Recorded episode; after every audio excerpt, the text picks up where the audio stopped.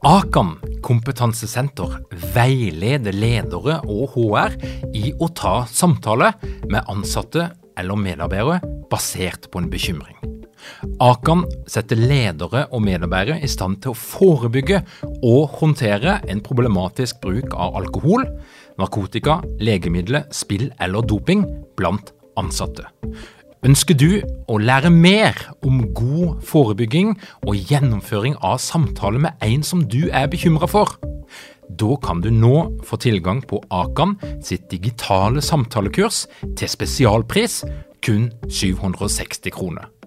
Målet med kurset er å gjøre deg tryggere i det som kan være en krevende, men viktig samtale å ta i lederrollen.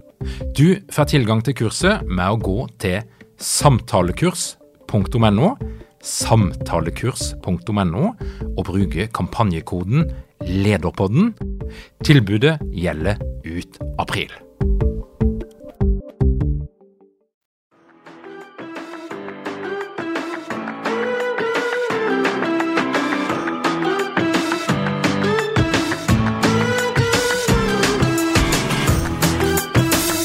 Velkommen til Lederpodden.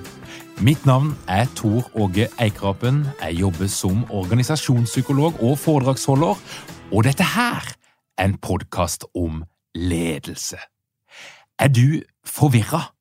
Syns du det er vanskelig å vite hva som egentlig gjelder hvis du skal rigge en organisasjon for innovasjon og endring? Det er i så fall helt forståelig. Hvis du søker på begrepet endringsledelse, så får du over 190 000 treff på Google, og mange av de gir deg totalt ulike og til dels motstridende svar på hva som egentlig gjelder. Professor Oskar Amundsen fra NTNU har nå gjort en sorteringsjobb for deg.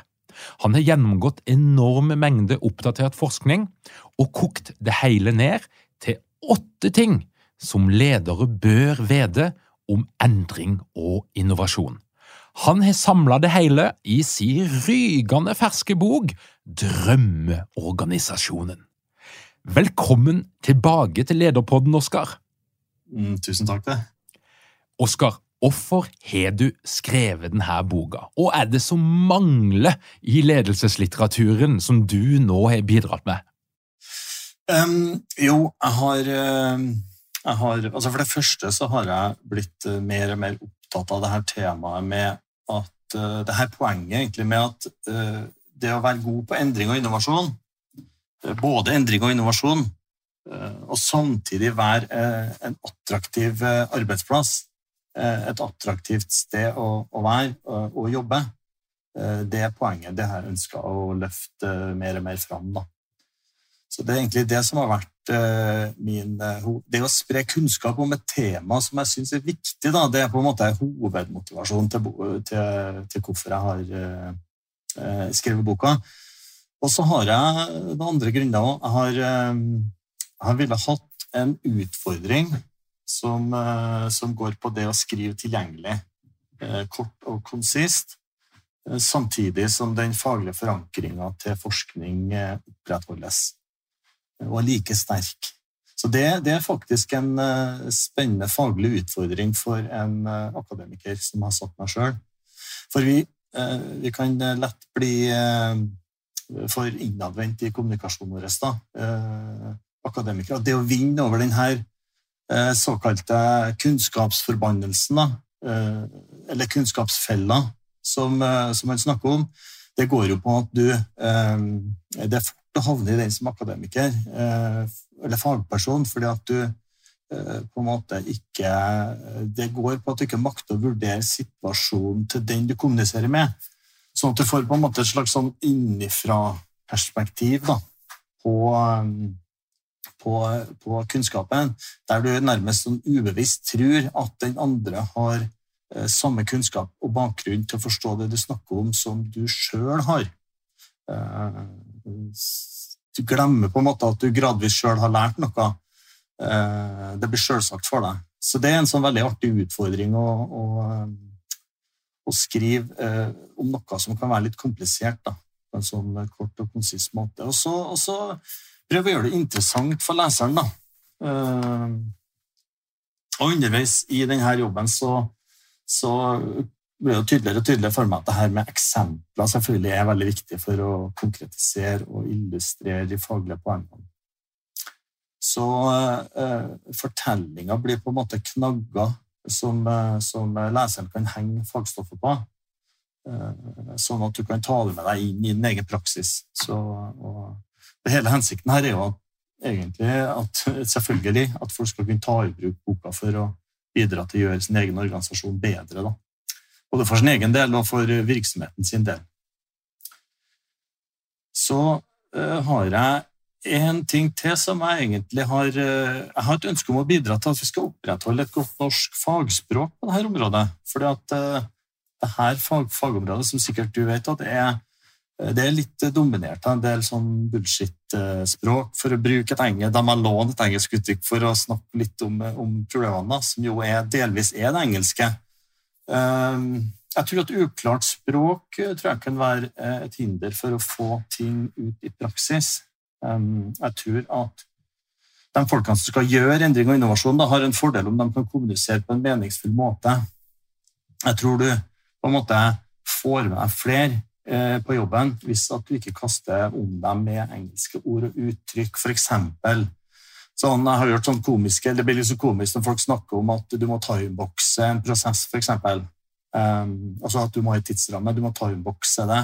Eller for å si et annet eksempel da, som er liksom enda mer eh, komisk jeg, tror, jeg, tror, det blir mer compliance i en organisasjon hvis du kaller det etterlevelse istedenfor compliance.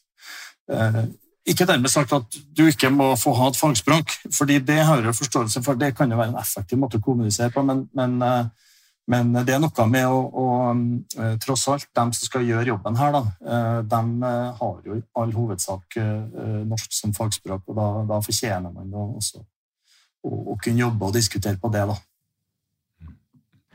Også, du har jo skrevet ei bok som, som ikke er en sånn typisk eh, misjoneringsprosjekt der du skal selge inn én måte å tenke på, ett konsept. Altså, du, det du skriver om, er jo noen underliggende prinsipper, ikke en spesifikk metode. og Det føler jeg jo gjør at boka òg er veldig anvendelig uansett på hvilket nivå du er. For, for, for en del bøker om endring så, så, så, det, så, må du være i et kjempestort konsern for at det skal gi noe relevans. Mens de prinsippene som du beskriver i drømmeorganisasjonen, de er generelle, de er universelle, og de er skalerbare. Mm. Og, og, og, og, mye har du tenkt på det i, i forkant? Altså, hvem publikummet ditt er? Jeg, hatt, jeg, har en ambisjon om å på en måte lage kunnskap som er anvendelig, eh, men der eh, på en måte den som, den som leser, eller den som jeg snakker med om denne kunnskapen, må gjøre en jobb på en måte i å oversette eller konkretisere og foredle denne kunnskapen ned og inn i sin egen praksis. Og da skal det kunne gå an, uh, og ambisjonen min har vært at det her skal kunne uh, være relevante ting. Da. Uavhengig av om du er en liten eller stor virksomhet. Uavhengig av hvilken sektor du er i, så er det noe som er generelt som handler om organisasjoner, da, som handler om hvordan det fungerer. Og, og, det liksom, så det, har vært en sånn ambisjon som jeg har hatt. Og, og, det er klart, så er det sånn at det er ulike vilkår for en del virksomheter. altså Bare offentlig, offentlig sektor, privat sektor har jo noe delvis ulike vilkår rundt seg. Offentlig sektor er jo politisk styrt, f.eks og kan bli pålagt endring som, eh, som eh, kommer utenfra, og som har sine utfordringer. Men det er klart, de tingene det, det, det mener jeg at eh, likevel at det, det er noe som, som, som, går an å si, da, som er mer, mer, generelt, og som likevel er konkret. Så det er liksom det å klare å, kombinere det som jeg har prøvd. da. Og så er jeg jo fryktelig nysgjerrig Oskar, på denne utvelgelsesprosessen. For det fins altså flere tusen bøker om endring, innovasjon og ledelse, og mange av de påberoper seg å sitte med den fulle og hele sannhet om hva endring og endringsledelse er for noe. Hvordan gikk du til verks for å sortere alt dette her materialet og klare å koke det ned til de åtte faktorene som du har beskrevet i boka di? Hvor starta du? Ja, altså det, det, det, som er, er tilfellet for min del, er jo at det her har vokst fram egentlig over tid. da. Så det har vært en gradvis prosess, egentlig. Jeg skriver litt om det i forordet, at det er, det jeg kaller en lengre reise, da, for å bruke en sånn uttrykk som, som, som veldig mange, mange snakker om. Eh, sånn at eh, Det har jo vært en gradvis prosess, og der utgangspunktet er på en måte den faglige aktiviteten som jeg har holdt på med opp igjennom. Eh, og så har jeg jo mine, og det er jo det som er fint hvis man har en god problemstilling. Jeg har et spørsmål som går på det her med hva som styrker evnen til endring og innovasjon i organisasjonen. Og i tillegg det med å ha en attraktiv organisasjon. Så det å kombinere de her tre kriteriene, da, på en måte, det blir jo det som er eh, Det jeg diskuterer, da, det skal være noe som styrker evnen til endring. Det skal være noe som styrker evnen til innovasjon, og det skal gjøre eh, eh, denne organisasjonen til en mer attraktiv arbeidsplass. Det skal gå an å kombinere. Og det hjelper meg på en måte til å, å navigere. da. Eh, og så vil ikke jeg gi den her sånn endelige oppskrifta heller, fordi jeg har mer trua på at den konkrete, på en måte operasjonelle sida her, det, det, å, det, å, sette det her ut i livet Noe er selvfølgelig litt sånn lavthengende her, lavthengende frukt, men, men det, det, må, det må uh, leseren gjøre, da, ut fra de her, denne kunnskapen. Så, så jeg har tenkt sånn. Ja. Var det en faktor eller eh, et fagområde, et tema som du gjerne skulle hatt med, men som du til slutt måtte bare droppe?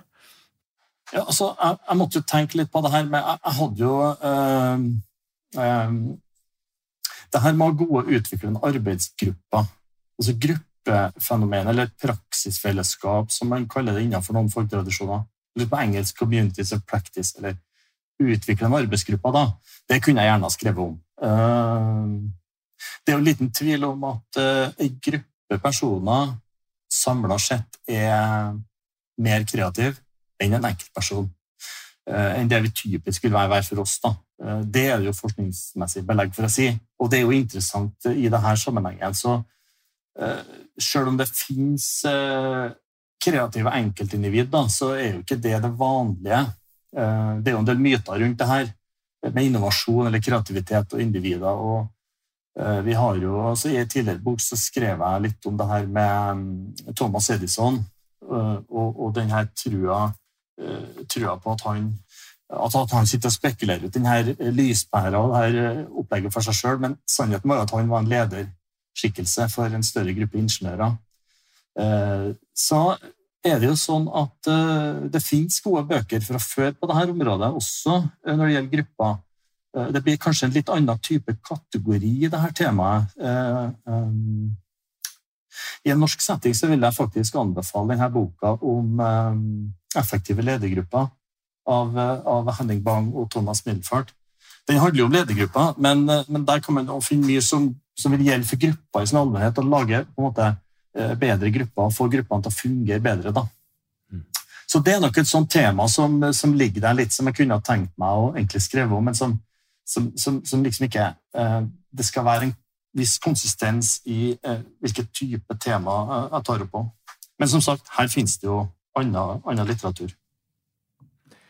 Og Noe av det som jeg liker, er jo f.eks. at istedenfor å skrive da, om agile, autonome team, som du da fint kunne ha gjort, så beskriver du prinsippet, eh, den mer eller mindre psykologiske mekanismen som gjør at den type team kan kanskje i noen kontekster fungere bedre enn andre måter å jobbe på, nemlig indre motivasjon, Desi og Ryan. Så mm. istedenfor å skrive om, om, selve hvordan du gjør det ene eller det andre, så beskriver du noen mer universelle, eh, ganske dyptgående prinsipper. Kan, kan ikke du fortelle litt hva du tenker om indre motivasjon, selvdeterminasjonsteorien til DC Ryan, og hvilke konsekvenser det har for å rigge en organisasjon for endring og innovasjon?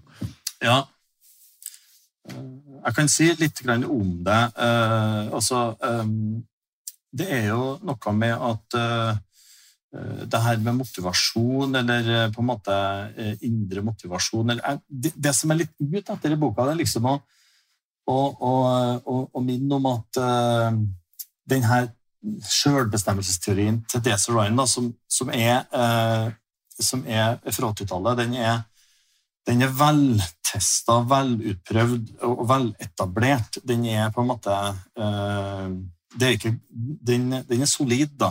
Eh, og den sier noe om eh, hva som er viktig for, eh, for folk, også i en jobbsammenheng. Og så prøver jeg, I boka prøver jeg å liksom si at å, å, gi leseren del i et litt mer sånn sier at det her, det her, er et fagområde som det er nyttig å forstå liksom litt mer i dybden. Og skille mellom Eh, ikke bare snakke om mye og lite motivasjon, altså ikke bare mengde, men også typer motivasjon, som en sånn, eh, sånn NB. Eh, og dessuten snakke om det her med betydninga av sjølbestemmelse. Så det blir på en måte Jeg trekker opp noen flere dimensjoner her. Og så bruker jeg noen eksempel som, for å illustrere det her. For eksempel så har man jo det her det som kalles for undermineringseffekten. Her har vi også norske fagfolk som er, er, er gode, da, som jeg støtter meg på, i tillegg til den internasjonale forskninga. Eh, du har jo Bård Kuvås, f.eks. Eh, denne undermineringseffekten går jo på at, eh, at, du kan se at hvis folk, hvis, altså hvis høyt kompetente arbeidstakere har kompliserte oppgaver, og du begynner å innføre på en måte insentivsystem, da, så så kan du faktisk redusere den indre drivkraften til en eh, arbeidstaker eh, ved at du prøver å eh, ved at du innfører noe som skal gi ytre belønning. Da.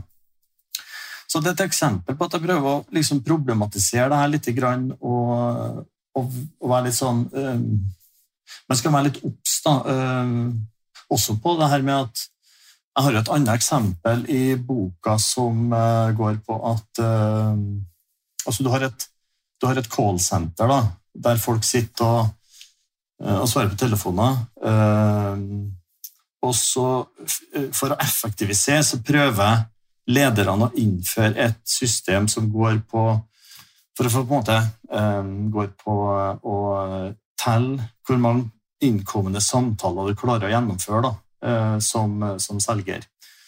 Og så gjør de det, og så overser de det, eh, den saken at uh, de her etablerte selgerne blir da så opptatt av å innfri de her målene som måles, at de settes i en oppgave som de sjøl har gjort tidligere, og det går jo på å ta imot nye og lære opp nye uh, til å bli gode selgere eller gode saksbehandlere. Eh, så da retter de seg mer imot insentivsystemet, og så eh, blir da turnoveren Vi går jo opp i dette miljøet, og eh, produktiviteten på sikt går jo ned i og med at de ikke klarer å rekruttere. Dette er jo en bransje med en viss, en viss gjennomtrekk hele tida. Så det er liksom prøve å problematisere sånne ting litt i boka, da. Mm. Og du skriver jo noe om stolthet. Har dere mange ledere uten trening eller utdannelse innen ledelse?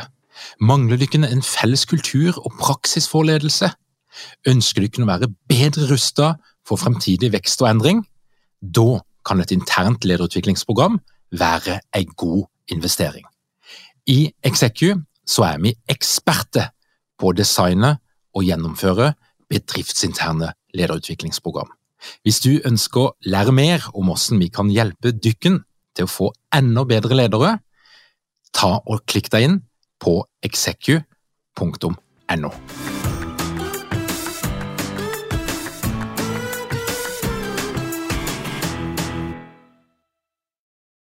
kan du ikke fortelle noe? Hva, hva, hva, er det for noe? Henne hører det begrepet teoretisk hjemme mm. når vi snakker om å skape kulturer for innovasjon og endring? Mm. Det er egentlig et eh, begrep Jeg skrev litt om det at jeg syns det er et, eh, et, tema som egentlig er litt sånn stemoderlig behandla i, eh, i, organisasjonsfaget. Det kan være flere grunner til det. Det, det her med helt tatt å, å, snakke om følelser og følelsers betydning, det er jo det er jo liksom ikke akkurat Det har liksom ikke vært et klassisk tema i organisasjonsfag eller statsvitenskapen eller de fagområdene der. Eh, mens det har blitt mer, erkjennelsen har jo kommet mer og mer om at det her med positive følelser eh, er faktisk eh, gode bidrag i en organisasjon. Det har betydning. Det man ser altså, Det er jo et tema som egentlig er som er, ble veldig, mer mer klart for meg i et, i et forskningsprosjekt jeg var med i sjøl. Så jeg skriver litt om det at det her, det her temaet det, på en måte, det, det tvang seg frem som et sånt kjennetegn ved eh, virksomheter som er gode da, på, på, innovasjon eh, blant medarbeiderne. Så det viser seg jo det at eh, måte den stoltheten den gir seg utslag i at folk Den påvirker atferden i virksomheten, sånn at folk blir f.eks. mer hjelpsomme mot en kollega. Og eh, folk blir mer villige til å beskytte virksomheten når virksomheten er i trøbbel. Eh, folk blir mer liksom sånn eh, Jeg skriver jo litt om det og det her at jeg merka sjøl når jeg har vært ny på noen arbeidsplasser, at noen steder så dukker det på en måte opp sånne hjelpere overalt da, som gjerne vil fortelle om hvordan ting fungerer, og gjerne vil det ene og det andre. og Det, det er sånne utslag av en sånn Eh, positiv grunnstemning da, som, eh, som eh, også Det her med stolthet er jo, det er jo også et spennende tema på den måten at det handler bare, ikke bare om det her med liksom å, å, å, være en person som liksom skal redde verden, og det er jo fint, det. Men jeg prøver å få fram i boka at, at det her med stolthet det handler liksom ikke om at, at det må være så sånn, altså sånn høyverdige formål. da. Ja. Altså, det syns jeg er et interessant tema. Absolutt. Mm. Hvis du skulle velge deg et eh, favorittema eller eh, en faktor som du tenker er noe av det viktigste av det viktige som du beskriver her i boka, og det skjønner jeg er en veldig tøff jobb, men hva ville du ha valgt? Ja, nei um, Første tanken min er jo at uh, det her er som å velge blant egne unger. Uh, og det, det går jo egentlig ikke an. Uh, så, men jeg må jo kanskje være villig til å, til å trekke fram noe. Det, det, det, er et, eh, et, av de her trekkene som er uh, ja, Ikke liksom være sjølfornøyd, men jeg, liksom jeg, jeg, jeg syns det er litt spennende. Det, er en sånn, jeg snakker om toleranse som et trekk som fremmer endring og innovasjon i en uh, organisasjon. Og da har jeg gjort det sånn at jeg Ehm, det høres liksom veldig sånn flott og enkelt ut, men jeg, prøver å si at eh, toleranse har minst eh, to sider. Så jeg prøver å gi det begrepet et innhold som går på Den ene sida handler om det med toleranse for feil i virksomheten. At det er en, god, det er en forutsetning på en måte for å få til noe nytt. Da. At, eh, altså hvis aksepten for feil, at det kan skje feil, at folk ikke kan prøve å feile i en virksomhet, er veldig lav, så vil man også få en lavere, eh, lavere innovasjonsevne. Da. Eh, og det andre sida, det er toleranse for feil, andre toleranse for mangfold. Eh, og det her med at det heterogene, altså det sammensatte arbeidsmiljøet med folk med ulike bakgrunner, vil være gunstig for innovasjon, det er jo også en, en, en sånn robust funn i forskninga, og sikkert ingen kjempeoverraskelse for folk. Men så prøver jeg å si at Eh, det her med um, mangfold, da, det, er, det, kan liksom, det, kan bli litt sånn overfladisk innimellom. Eh, for det handler jo egentlig ikke om etnisk opprinnelse eller legning eller hvor du er fra. Det begrepet jeg knytter til det her med Som jeg tar fra en kollega, kreativitetsforsker, Toril Lådane, som snakker om det med jobbrelevant mangfold. Altså den, den uh, ulikheten som er relevant for det som du uh, driver med. Da. Det du bringer med deg inn. Og i forlengelsen av det så, så, så, liksom, så snakker jeg om det her med at uh, det her handler litt om å erkjenne at du ikke vet alt sjøl. Og, og erkjenne at andre kan ha noe å bidra med. Det høres ut som et selvfølge, men det er noe med å tenke litt på det. Og det leder oss jo over til det her med å være reelt lyttende. Da. Så det er kanskje en sånn Det med toleranse, det med, det med liksom sånn, å, å, ha et litt mer sånn sobert uh, forhold til det begrepet. da, og, Men å virkelig, virkelig se at der er det altså, Igjen, jeg refererte jo til, han, eh, til de her to, Henning Bang og Thomas Middelfart, i sted, og de eh, skriver om De bruker det her begrepet flertydighetstoleranse som en sånn eh, Det med å tol ha toleranse for at verden kan ses på ulike måter, det som en sånn viktig forutsetning. Og så bruker jeg noen eksempel i, i Jeg bruker Nokia, faktisk, et, en studie av Nokia, eh, det som skjedde med dem, som et eksempel på det som kan skje hvis du er på en måte mm, har lav toleranse for, for ulike innspill, og at folk er uenige. Så, ja. Nei, så det må være det som kanskje er favoritten, da, foreløpig. Jeg tykker det Nokia-eksempelet ditt er fantastisk bra. For det finnes en annen teori innenfor endringsledelse der en deler uh, ulike former for reaksjoner oppi en sånn kvadrant. Og der, der en måte å reagere på, det er jo da eh, kritikeren. Og så er det ambassadøren som er på hver sin ytterkant. Og min opplevelse er jo at mange steder når du kunngjør en endring, når du lanserer en endring, så gjøres det kanskje på et allmøte, det har vært liten forankring i forkant, og så er det en slags forventning, en slags psykologisk kontrakt, der ledelsen forventer hallelujastemning hos sine medarbeidere, og der en instinktivt reagerer veldig negativt på de som kommer med kritikk, og som gjenger inn i den båsen. Men det du beskriver med Nokia-eksempelet, det er jo at det å dyrke en kultur der det ikke er lov til å komme med kritikk, der ideer ikke blir gjenstand for både eh, en positiv evaluering, men også en negativ evaluering, og får kjørt seg litt, der kan det faktisk bli ganske katastrofalt. Så du kan godt fortelle litt litt mer om hva var bakgrunnen for Nokias fall, da, ut ifra den mm. uh, hypotesen som du, du har? Mm. Ja, jeg, jeg, kan starte med å, med å, eh, Jeg bruker jo en sånn Jeg, jeg har jo en del eh, eh, sitat fra norske ledere i boka som jeg bruker for å sånn illustrere. og Det er noen gode formuleringer som jeg, som jeg, har, eh, som jeg har, brukt fra noen og på, Akkurat på området her da, så synes jeg at eh, hun som er redaktør i Aftenposten, eller leder for Aftenposten, Trine Eilertsen, hun, sier, hun sier noe som er litt sånn, litt sånn viktig da, og liksom uttrykker litt godt. Hun, hun sier at, eh, at det er jo Som leder så kan det jo være veldig irriterende med han der Per, som bestandig kommer og rekker opp hånda og bestandig er så kritisk og bestandig sier at det vi driver med, er feil osv. Men så sier jeg at men du må, du må høre på han, fordi at uh, hvis det, det kan jo være at han sier mye rart, men hvis folk ser at du overser ignorerer eller plasserer den i fryseboksen, så vil de tenke sitt, og du vil redusere på en måte tilfanget av motforestillinger også for andre. Da vil du lettere få dyrka en sånn organisasjonskultur der du egentlig kjører feil vei, rolig og sakte og forsiktig feil vei. Så det syns jeg er litt sånn, vi har litt sånn god beskrivelse av der.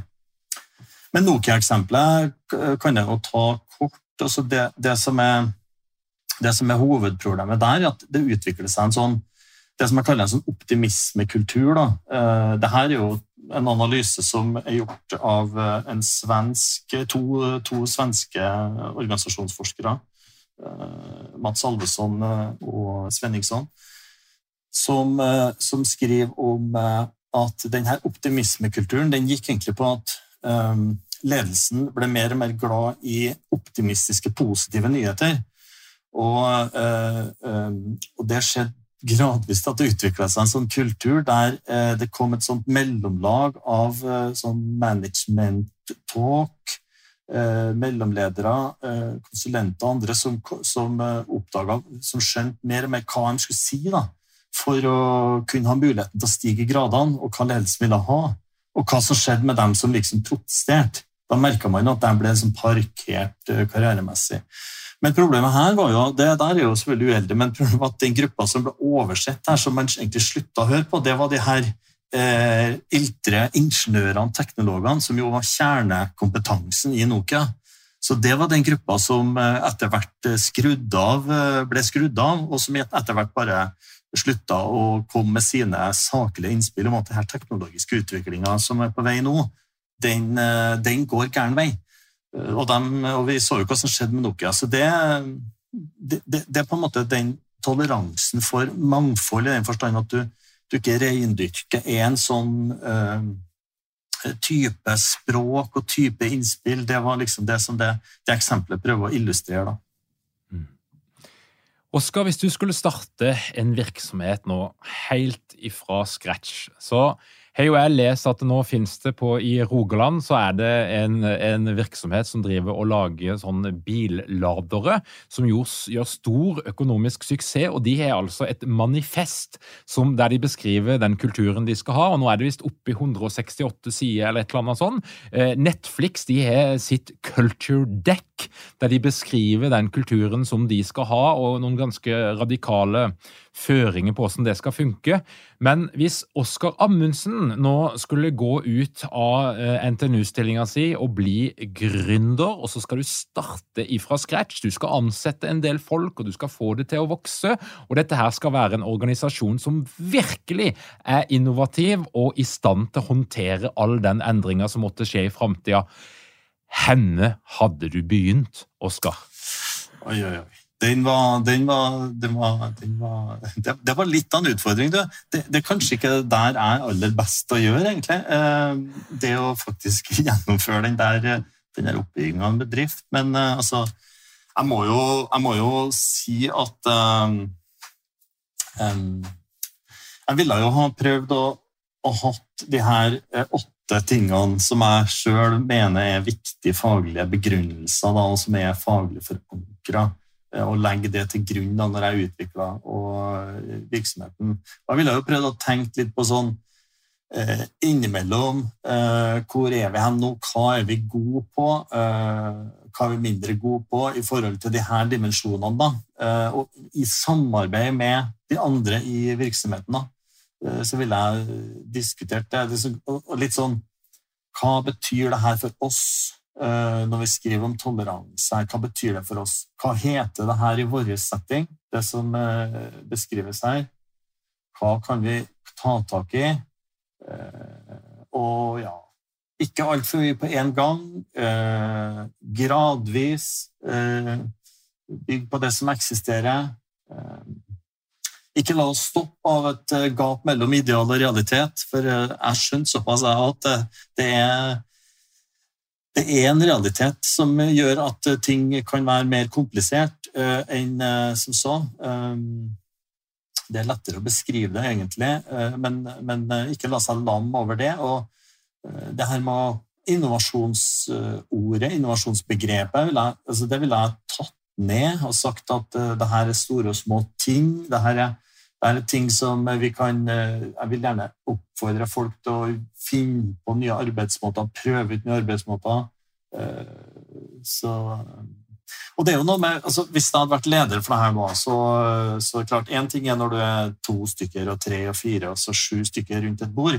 Det er jo tross alt enklere da. altså alt Det som jeg skriver, er egentlig enklere da. sånn at det med eh, det, Selv om det gjelder også for små grupper, det jeg skriver, så eller mindre virksomheter, så, så øker jo kompleksiteten eh, noe voldsomt eh, når man vokser. Eh, og da gjelder det å stå fram, tenker jeg, som leder og flagge noen punkt. da. Det skal ikke straffe seg å prøve å feile i denne virksomheten. Det er en sånn start, da, men du vet, du vet det her er jo det, det, er du som må ta den jobben her, det er ikke meg. Eller du må rådgi andre igjen, da. Så du får hilse fra meg. og så vet jeg, Oskar, i hvert fall at du ville vært en veldig lyttende leder, for det er altså et av grunnprinsippene her. Det er lytt lyttende ledelse. Og, og, Jeg kjenner jo litt på noen av dilemmaene. for at, eh, Hvis jeg skulle starte en virksomhet fra scratch nå, så ville jeg nok gjerne brukt prinsippene i denne boka som et sånt kulturelt manifest, altså for å definere hvem vi skal være. Men problemet er jo at da bryter jeg jo allerede et av de andre prinsippene, nemlig reell involvering. For hvis jeg har bestemt meg som leder på forhånd til at det er sånn kulturen vår skal være, og så lager jeg en involverende prosess der jeg egentlig bare prøver å manipulere litt og mener det samme som meg, så, så er vi jo ute å kjøre. Ja, det er veldig dumt å gjøre det, gjør det sånn. Det er veldig dumt å gjøre det sånn. Nei, så du må, du må, du må skaffe et eksemplar til hver av medarbeiderne dine. Og så må du, må du nesten uh, få lov til å De må få lov til å liksom uh, hva skal jeg si da, Gjøre det her til sitt. da. Uh, og da går det an å diskutere rundt de her temaene og, og få til noe, tror jeg. Men å komme liksom og uh, bare slå i bordet og si at det er bestemt, det er ikke noe lurt. Altså, hvis uh, uh, Det er jo noe med at det vil jo bety litt ulike ting i ulike settinger her, så gir folk sjansen til å si hva det betyr for dem. da. Og det, da skal man kanskje klare å få det her til å gå i hop på en eller annen måte. Jeg tror kanskje det. Ja. Oskar, jeg mener du har skrevet eh, en bok som, som, er kanskje det beste stedet å begynne hvis du ønsker å få bedre forståelse for hvordan du kan bidra til mer, eh, bedre endringsprosesser og mer innovasjon. Og så er det altså kjemisk, helt kjemisk fritt for sånn amerikansk business-språk. Så hvis du er litt lei av mange av de her flosklene og klisjeene, så kan du bare være helt rolig. Denne boka der finner du faktisk nesten ingenting av det. Og hvis det er noe, så er det i så fall med en ironisk uh, liten mellomgreie. Nei, men det er veldig hyggelig å høre, da.